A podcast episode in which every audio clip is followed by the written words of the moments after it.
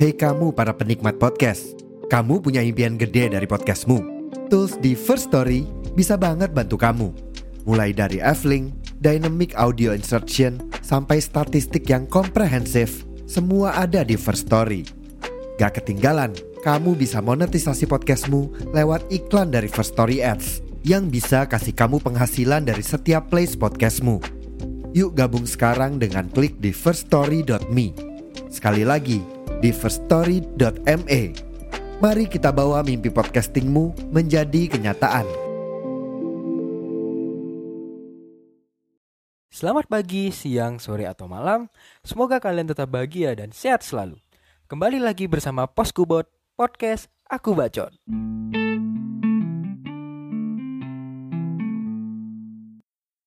Alright, welcome back to Poskubot. Uh, mungkin episode kali ini akan tayang di tahun yang baru dengan tema baru ya. Tapi uh, gak menutup kemungkinan bintang tamunya akan makin menarik dari tahun sebelumnya. Dan kali ini gue lagi ditemenin sama teman gue nih, uh, teman masa kecil lah ya. mungkin untuk menghemat waktu ya, mungkin diperkenalkan siapa guest kita pada hari ini. Oke, halo semua pendengar dari podcast ini. Namaku Aji dan umurku 21 tahun dan kebetulan aku bekerja sebagai sipir penjara di sebuah kota. Ya gitu aja sih. Juga perkenalan yang cukup singkat pada jelas ya. Nah, uh, eh, BTW Aji ini adalah teman SMA gue nih uh, adalah di sebuah salah satu kota ya di Jawa Timur dan dia tuh termasuk orang yang cukup dekat sama gue waktu SMA karena uh, dia salah satu orang yang bisa ngerti dengan pola pikir gue pada saat itu ya dan kita berteman dengan cukup baik. Cuman ya lucunya adalah kita udah lama nggak ketemu udah lama nggak kontekan tiba-tiba uh, pas kontekan sekalinya kontekan ngajakin podcast gitu ya. Mungkin agak canggung dikit ya mas? Canggung banget sih. Kaget terutama kaget sih. Dari awal kita nggak pernah kontekan jarang kabar-kabaran. Gimana ya? Karena kita punya kesibukan masing-masing juga. Jadi sulit gitu. Nah tiba-tiba ujuk-ujuk eh ayo dong podcast bareng. Gimana nggak kaget coba ya gue melihat sesuatu yang unik dari diri lo gitu aja sih. Dan bisa gue angkat di podcast ini. Nah uh, ya benar kata lo tadi kita udah sibuk masing-masing. Gue sibuk dengan kuliah yang wah gue ngerasain makin tinggi semester makin fakta dan lu juga dengan lu kan kerja gitu dengan dunia kerja yang pastinya lebih keras lagi. Ya kita udah nyampe di tahap kedewasaan mungkin ya. Kedewasaan yang ya semua orang nggak seneng akan hal ini nggak ada seneng senengnya iya sih beban iya. Ya emang makin gede kita tuh kan beban kita juga makin gede. Anyway uh, lu bilang tadi lu adalah seorang sipir. Wow denger gue dengernya aja uh, sedikit serem dan juga uh, gue nggak mau tiba-tiba ada tukang bakso ini ya bawa walkie talkie gitu. Mungkin kita main aman kali ya mas? Iya ya aman sih sebenarnya. Ya untuk pekerjaan sipir ini emang banyak sih yang nggak denger. Dan ataupun ada yang dengar juga pasti konotasinya negatif sih. Pasti. Ya, ya benar. Uh, jadi uh, karena mungkin uh, sedikit ya informasi tentang profesi ini. Nah biar nggak miskom lagi nih teman-teman. Sebenarnya sipir tuh apa sih Ji? Dan uh, tugas mereka tuh sebenarnya ngapain? Apakah seperti di film-film yang kita tonton? Contohnya kayak Shawshank Redemption mungkin. Apa gimana gitu? Ya sipir penjara tuh sebenarnya simple sih pekerjaannya ya untuk menjaga dan mengayomi orang-orang yang udah kena tindak pidana dan juga kita sebagai selain penjaga kita juga membina mereka biar bisa diterima di masyarakat umum lagi. Ya kalau dihubungin sama kayak film-film Shawshank Redemption, Green Mile atau film-film dengan genre kayak gitu ya. Ya itu terlalu klise sih, terlalu gimana ya? Terlalu hayal untuk ter, untuk terjadi di dunia nyata. Karena untuk terjadi hal-hal seperti itu itu nggak nggak nggak terjadi gitu di dunia nyata. Dan aku udah ngalamin itu sendiri di tempat kerjaku sendiri sih. Kita ya lebih ke membina mereka. Karena tugas kita sekarang yang awalnya sebagai penjaga kita itu juga sebagai pembina gitu. Juga dengan perubahan namanya juga ya dari penjara ke lapas lembaga pemasyarakatan kita itu tugasnya sekarang tugas pokoknya adalah mengayomi mereka gitu Oke, berarti uh, garis besarnya yang gue tangkap adalah sipir itu sebenarnya untuk membina ya eh, orang-orang yang uh, istilahnya melakukan tindak pidana agar mereka uh, diterima kembali oleh masyarakat. Nah, uh, gue mau nanya sebagai teman lu nih ya, kita kan udah bareng dari umur mencari jati diri sampai kita harus menanggung beban yang lumayan berat untuk umur segini ya. Nah, uh, waktu itu kenapa sih lu bisa terjun atau nyemplung ke sipir gitu? Karena uh, banyak teman-teman kita yang mikirnya kalau nggak TNI, Polri atau mungkin kuliah dan kenapa lu uh, terjun ke perduniaan sipir ini gitu? Ya, kalau alasan ya ditanya ke alasan ya dari awal emang ya untuk karena himpitan ekonomi keluarga pasti sih. Nah, untuk kedua sih lebih ke idealis ya. Idealis pengen tampil beda aja. Kenapa sih semua pekerjaan nih teman-temanku pada milih yang mainstream mainstream aja gitu. Kenapa yang jarang aja gitu? Kenapa nggak jarang? Kenapa aku harus sama dengan mereka gitu? Ya idealisku sih harus tampil beda aja. ya emang anti mainstream banget ya. Apalagi ini uh, pemilihannya untuk pekerjaan ya. Cuman satu yang gue tarik Ji, uh, lu bilang lu membina uh, mereka di sana.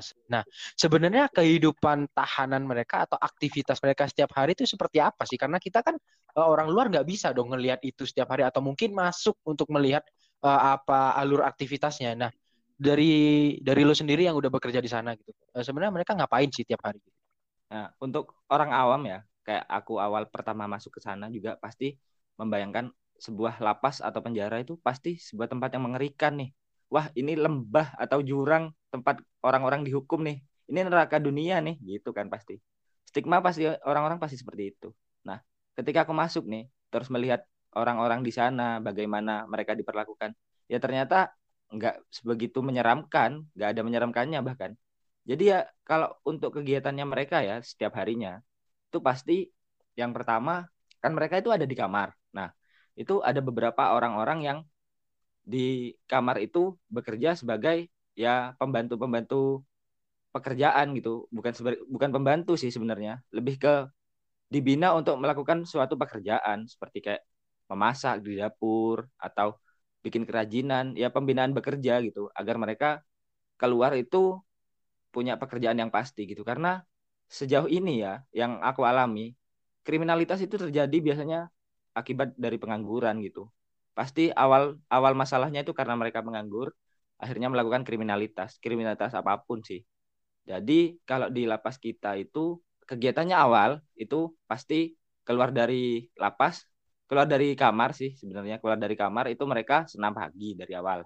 Habis enam pagi nih udah olahraga udah keringetan semua udah sehat lah ya udah gerak. Mereka itu dikasih waktu untuk angin-angin. Angin-angin ini untuk ya menyegarkan tubuh lah. Sekedar sekedar ngobrol dengan teman-temannya ya sekedar bergaul bersosialisasi dengan antar napi gitu juga. Itu kita juga menyediakan sarapan. Sarapan itu tiga kali sehari ya. Dan perlu diingat sarapan mereka itu itu empat sehat lima sempurna. Dan juga ada menunya dan itu berganti-ganti. Dan tiap setelah makan mereka pasti dikasih cemilan gitu. Nah jadi tidak nggak seburuk yang orang pikir kan pasti. Nah terus juga kita itu juga menyediakan perpustakaan di sana juga. Jadi untuk waktu luang mereka juga bisa dihabiskan untuk membaca buku. Dan di perpustakaan itu juga kita menyediakan seperti kayak punishment and reward gitu. Ya, jadi ketika mereka bisa menyelesaikan beberapa buku untuk dibaca dan disetor, nah mereka itu mereka itu akan dapat reward gitu, kayak lebih mudah mendapat remisi, pengurangan masa tahanan, lebih mudah seperti itu karena mereka udah ber, berkelakuan baik kan. Jadi kegiatannya mereka dalam satu hari itu dimulai dari jam 7 pagi selesai pada jam 4 sore. Karena untuk pembukaan pembukaan kamar sendiri sih dimulai dari jam 7 pagi itu mereka beraktivitas ntar jam 12 siang itu balik lagi ya yang mau beribadah beribadah ntar dibuka lagi sampai jam 4 sore ditutup. Jadi ya mayoritas sih di tempatku ya itu ngabisin waktu dengan berolahraga sih. Kalau nggak berolahraga ya sekedar ya cerita-cerita lah sharing-sharing gitu aja sih Oke, okay. gue tadi dengar uh, lu juga nyebutin soal makan ya. Mereka makan tiga kali sehari dan juga ada cemilan. Cuman yang gue penasaran Ji, uh, gue tahu kayak gue pernah masuk rumah sakit, gue merasakan masakan rumah sakit yang you know tanpa gue jelasin lu juga udah tahu lah. Nah, kalau makanan di lapas sendiri apakah seperti makanan rumah sakit atau mungkin ada perbedaan lagi gitu? Nah, untuk makanan yang di lapas ya, kita itu kan menyediakan makanan dengan dari salah satu dari napi-napinya juga itu sebagai pekerja di dapur tersebut. Jadi kita sebagai petugas itu hanya sebagai pengawas dan ya juga ngatur sih, ngatur kayak ini porsinya segini aja gitu-gitu sih. Tapi untuk eksekusi makanannya ya itu mereka. Jadi mereka yang ngerasain untuk teman mereka sendiri. Seumpama nih kita bikin sambel nih ya. Ah, bikin sambel, set bikin sambel. Nah, itu untuk masalah kurang asin atau kurang manis itu mereka yang merasakan sendiri gitu. Ya, ini untuk teman-temanku nih. Pasti kan ngasih rasa yang terbaik kan, nggak mungkin. Ya udahlah, yang penting bikin gitu kan biasanya seperti itu kan. Tapi karena ini pekerjanya dari mereka dan makanannya untuk mereka pasti aku bisa jamin ya. Dan aku juga pernah nyoba ya enak sih. Sering sih sering nyoba untuk untuk nyoba testing ya rasanya untuk napi yang di dalam itu apakah layak gitu untuk dimakan? Ya layak layak banget malah Oke, uh, karena ini ya Ji, gue juga termasuk orang yang have no idea tentang hal ini. Gue ngelihatnya baru dari film-film gitu. Gue lihat di film kayak, ya gue lihat dari penampakannya aja makanannya itu semacam sisaan. Ternyata yang terjadi sebenarnya adalah jauh dari itu ya. Jauh dari itu. Bahkan tiap pagi kita itu selalu nerima barang-barang baru. Ya seperti kayak tahu. Tahu itu selalu baru tiap harinya. Buah, buah juga tiap harinya selalu baru. Jadi nggak ada sih. Ya juga utamanya sayur ya. Sayur itu pasti setiap hari kita selalu menerima kiriman kiriman sayur dari pemborong yang udah udah kontekan ya, udah udah kerjasama dengan lapas juga. Jadi kita selalu menerima barang-barang baru tiap harinya gitu. Jadi semua fresh from the oven langsung diolah, langsung dibagikan kepada mereka. Besok ya baru lagi, beda lagi, menunya juga beda lagi gitu. Jadi gak ada barang apa pun yang disimpan gitu. Ya kecuali ya kayak minyak beras gitu ya gue lihat uh, lu juga bilang kalau kalian membina berarti kan kalian dekat dengan mereka kalian juga merasakan apa yang mereka bikin kayak makanan. Nah justru yang gue makin penasaran lagi nih kan pasti ada jam makannya dan itu udah diatur. Nah di saat jam makan ini uh, kalian sebagai istilahnya pengawas mereka ya mereka uh, kalian tuh mengawasin mereka atau kalian bisa kayak sekedar makan bareng sama mereka gitu? Atau kalian memang harus ngawasin mereka baru setelah mereka makan kalian bisa makan. Contohnya seperti itu apa gimana? Kalau untuk itu ya pembagian makan itu. Nah sebenarnya yang lebih kita tekankan itu saat pembagian makannya ya. Apakah pembagian makannya itu sesuai? Karena kan pasti kan kalau kamu lagi di suatu tempat terus pembagian makan nggak sesuai dengan orang lain pasti akan menimbulkan gesekan. Nah, itu yang lebih ditekankan dari kita itu dalam pembagian makan ya, itu apakah berjalan dengan kondusif dan aman. Mereka juga mendapat makanan yang cukup semua dan pas ya, tentunya nggak berlebihan atau kekurangan. Nah, setelah itu bisa dipastikan semua, ya untuk kita makan bareng dengan mereka, walaupun mereka di dalam sel ya pasti. Untuk makan kan pasti dalam sel. Mereka di dalam sel dan kita di luar, untuk makan bareng ya it's okay gitu selama sel dalam keadaan terkunci, kita bisa pastikan itu kondisinya kondusif dan aman ya oke okay, gitu. Oke. Nah, uh, kan lu udah setahun nih di situ dan setahun menurut gue juga bukan waktu yang sebentar gitu. Dan lu juga udah ngalamin banyak kejadian. Nah, uh, ada nggak sih kejadian yang bikin lu shock nih selama lu di lapas? Mungkin awal-awal atau mungkin di pertengahan juga ada kejadian yang bikin lu shock banget itu waktu lu kerja di situ. Oke, kayaknya bahasannya makin menarik nih. Tapi kita dengerin dulu yang lewat berikut ini. Alright, terima kasih teman-teman yang udah dengerin hal tersebut. So, mari kita lanjut.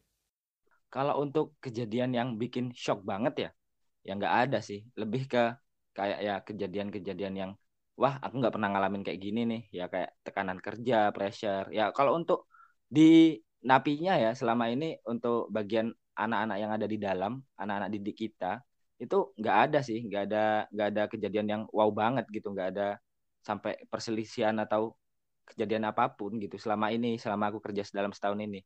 Lebih ke diriku sendiri gitu kayak gimana caranya aku adaptasi gimana tantangan kerja yang aku hadapi beban kerja stres kerja dan semua hal yang awalnya aku nggak akan ekspektasi bahkan sampai saat ini gitu. Ekspektasi bakal sejauh ini dari kita awal dunia SMA dunia Evan hahaha tiap hari sampai bisa stres, diem bahkan untuk menceritakan hal ini gitu kayak nggak ada orang yang pas gitu.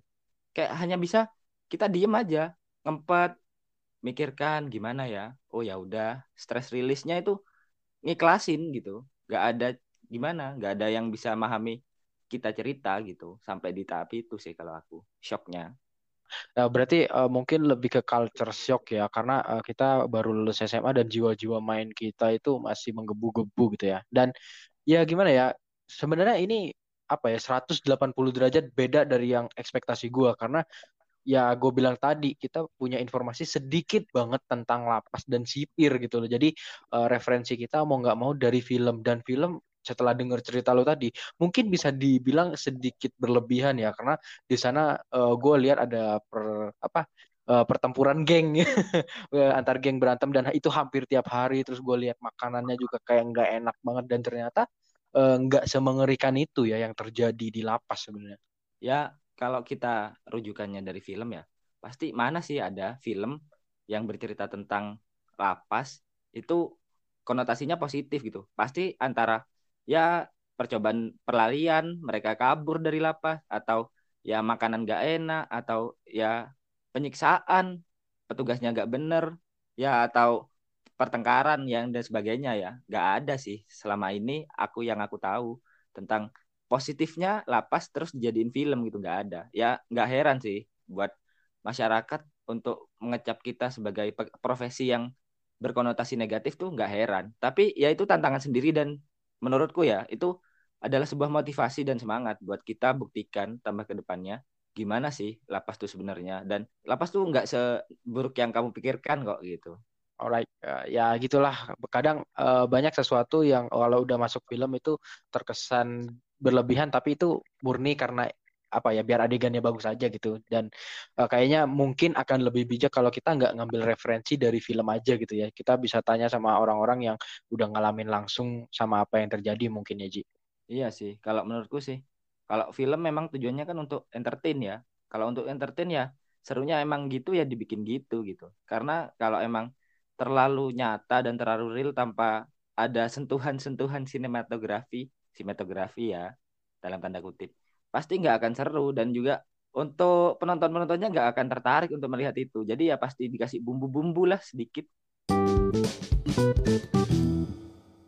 Dan ini Ji uh, gue kita pernah bukan pernah ya maksudnya kita ada film yang terkenal banget soal penjara yaitu Shawshank Redemption yang gue bilang tadi. Nah, uh, lu selama kerja di situ atau pas awal lu masuk, lu ada perasaan gitu nggak sih kayak wah gue masuk di dunia di film yang gue tonton nih. Lu pernah ngerasa gitu nggak? Wah itu pasti ya. Concern pertama gue pasti mikirnya ya gimana sih di di Shawshank Redemption nih mereka cara keluarnya nih lewat gali ya. Terus juga ada geng-gengan ya, pasti ada kayak orang terkuat dan orang terlemah nih. Gimana sih di sini gitu? Nah, setelah masuk ya, masuk ke dalam dunia itu, rasanya itu sulit gitu untuk mewujudkan hal yang seperti di film gitu. Karena akses pun untuk keluar masuk juga nggak ada. Terus untuk geng-gengan sendiri itu kita pasti udah bina. Pasti setiap orang yang perta yang pertama kali masuk ke dalam lapas itu pasti ditanya, kamu punya musuh nggak di sini? Kamu pernah ikut geng apa di sini? Jadi untuk meminimalisir terjadinya pertengkaran ya kita pasti tanya-tanya dulu sama si orang yang baru ini gitu. Dan juga kita tanya ke anak dalam juga gimana apakah kamu punya musuh di luar gini gini gini agar mengurangi perseteruan yang bakal terjadi gitu. Jadi sebelum kita redam perseteruan yang ada lebih baik kan pemicunya kita hilangkan gitu. Oh ya, berarti uh, kalian uh, seingin membina itu ya, karena uh, kembali lagi karena lack of information gitu. Jadi gua, kita mikirnya uh, ya udah sipir tuh pokoknya tugasnya naruh ke penjara ya udah biarin uh, do your own things gitu. Ternyata enggak seperti itu ya karena emang uh, beneran dibina ya mereka sampai mereka bisa uh, kembali diterima masyarakat atau sampai masa tahanan mereka beres gitu ya. Mm -mm, ya jadi kalau untuk pekerjaan ini ya lebih menitik beratkan kepada mereka keluar dari sini gimana caranya mereka nggak balik lagi ke sini gitu dan diterima di masyarakat. Kan selama ini konotasinya kalau kamu mantan napi nih, terus kamu melamar kerja, mana sih ada yang buka gitu? Mana sih ada yang menerima mantan napi untuk bekerja sebagai karyawan? Gak ada kan? Jadi bisa mungkin kita itu bekerja membina mereka itu untuk menciptakan pekerjaan sendiri gitu. Mereka kita latih untuk ya seperti motong rambut, bikin kerajinan, ya bahkan sampai bikin kaligrafi atau hal-hal yang berbau islami lainnya ya.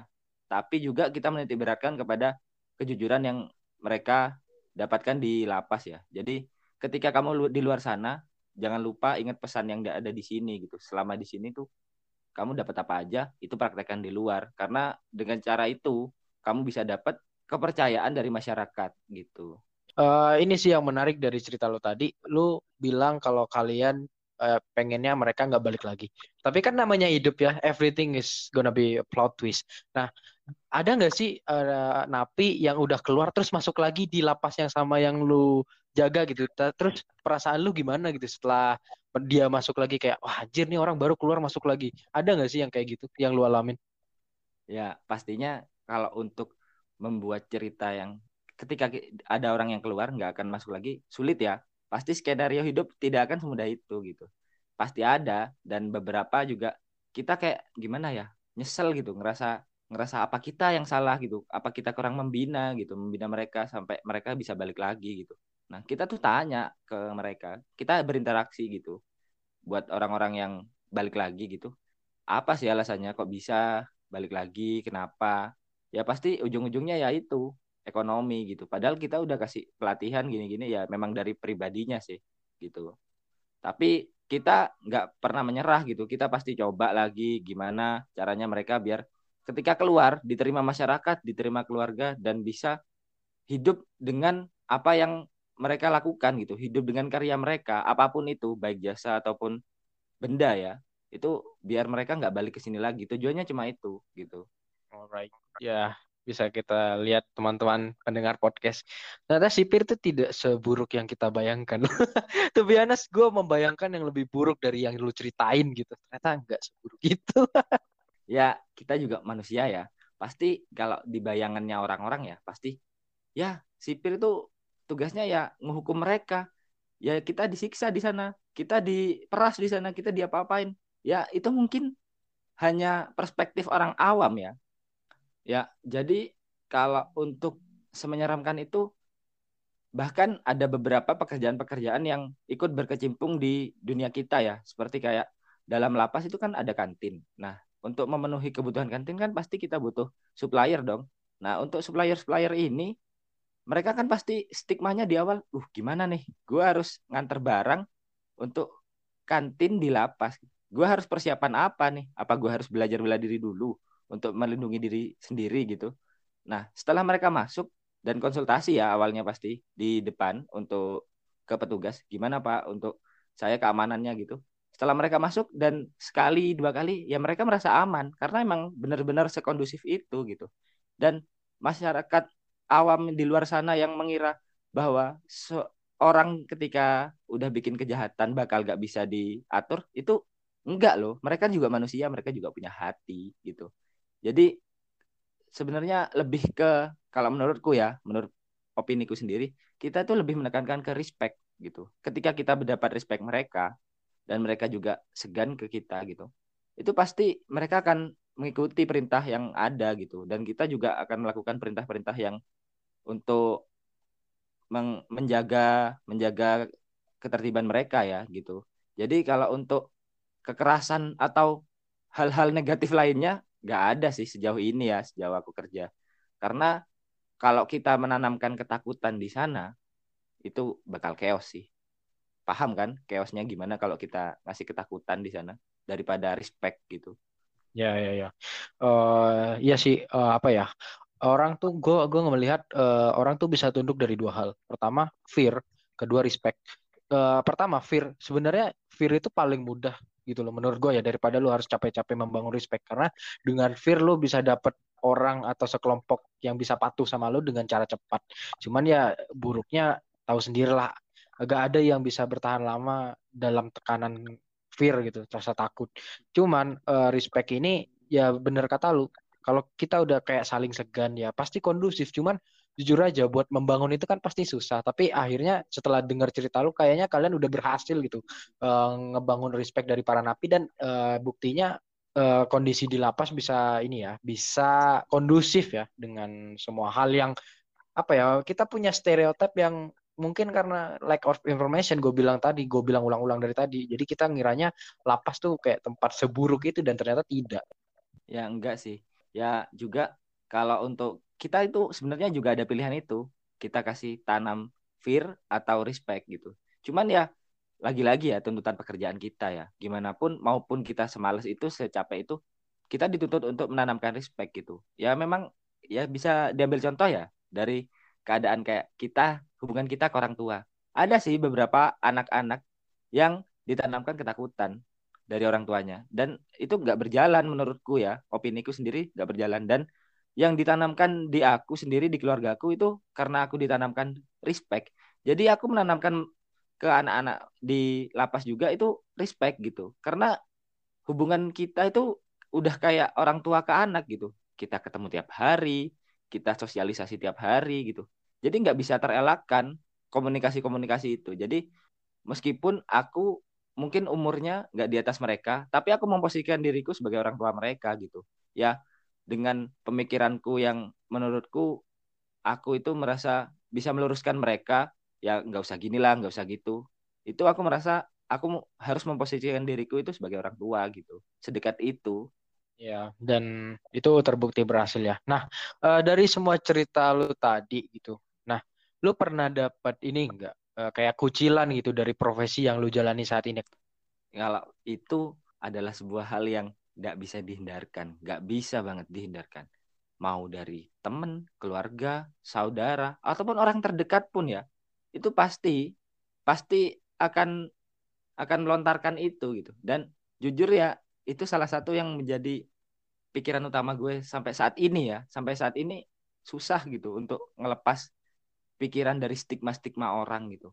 Ya awal masuk karir ini pasti ditanya, "Uh, bayar berapa nih? Uh, udah dapat duit berapa selama ini?" gitu. Selalu dalam hal yang negatif. Udah mukul berapa orang? Udah gimana? Udah gimana? Selalu dalam hal yang ini buruk, kamu tuh buruk. Kamu masuk ke pekerjaan ini, kamu tambah buruk gitu. Padahal sih selama yang aku jalani nggak ada buruk-buruknya bener gak ada buruk-buruknya gitu ya sebenarnya aku tuh pengen gitu keinginanku ngajak orang yang ngomong seperti itu tak tak aja set masuk nih loh yang selama selama ini kamu omongkan nggak ada di sini gitu. Pengen bungkam aja sebenarnya. Cuman kan kita ya sebagai manusia biasa yang cuma bisa mengontrol apa yang kita rasakan bukan mengontrol apa yang mereka perbuat ya sebatas kita hanya bisa sabar gitu. Dan membuktikan kalau emang kita itu bersih gitu. Nggak bukan orang nakal bukan orang buruk yang seperti mereka pikirkan. Gitu aja sih kalau pesanku sendiri ya buat masyarakat luas itu pasti diawali dengan peribahasa dan judge by its cover ya jadi kenapa kita hanya melihat sampulnya padahal buku itu memiliki value berharga di isinya gitu kenapa nggak kita baca kita ambil gitu kenapa kita harus melihat kulitnya aja gitu. Kenapa dalam buah kita harus melihat kulitnya aja untuk menilai buah itu pasti nggak enak, pasti busuk. Padahal nggak seburuk itu gitu. Kenapa nggak kita telaah dulu, kita cari informasi dulu, kita tanya-tanya dulu. Ya selaras dengan itu ya, ya kayak jangan judge dulu gitu. Jangan judge sebelum kamu tahu mengenali orang itu gitu. Sama seperti itu sih sebenarnya. Ya lebih menekankan ke kamu itu jangan jangan menilai sesuatu yang kamu nggak tahu, sesuatu yang hanya kamu dengar gitu, kecuali kamu ketahui sendiri ya. Tapi ya balik lagi ya, kita sebagai manusia itu cuma bisa mengendalikan perasaan kita, bukan perbuatan orang lain. Jadi ya balik lagi, sabar gitu.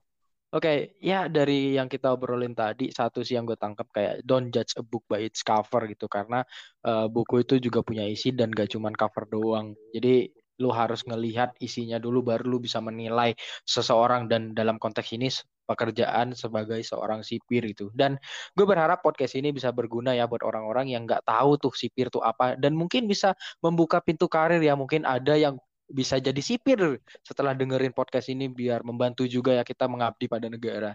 So anyway, Mungkin uh, pembicaraan kita sampai di sini aja, tapi nggak menutup kemungkinan ke depannya bakal banyak bintang tamu dengan cerita yang sama menariknya, sama yang kita obrolin hari ini. So, tetap stay tune di podcast ini.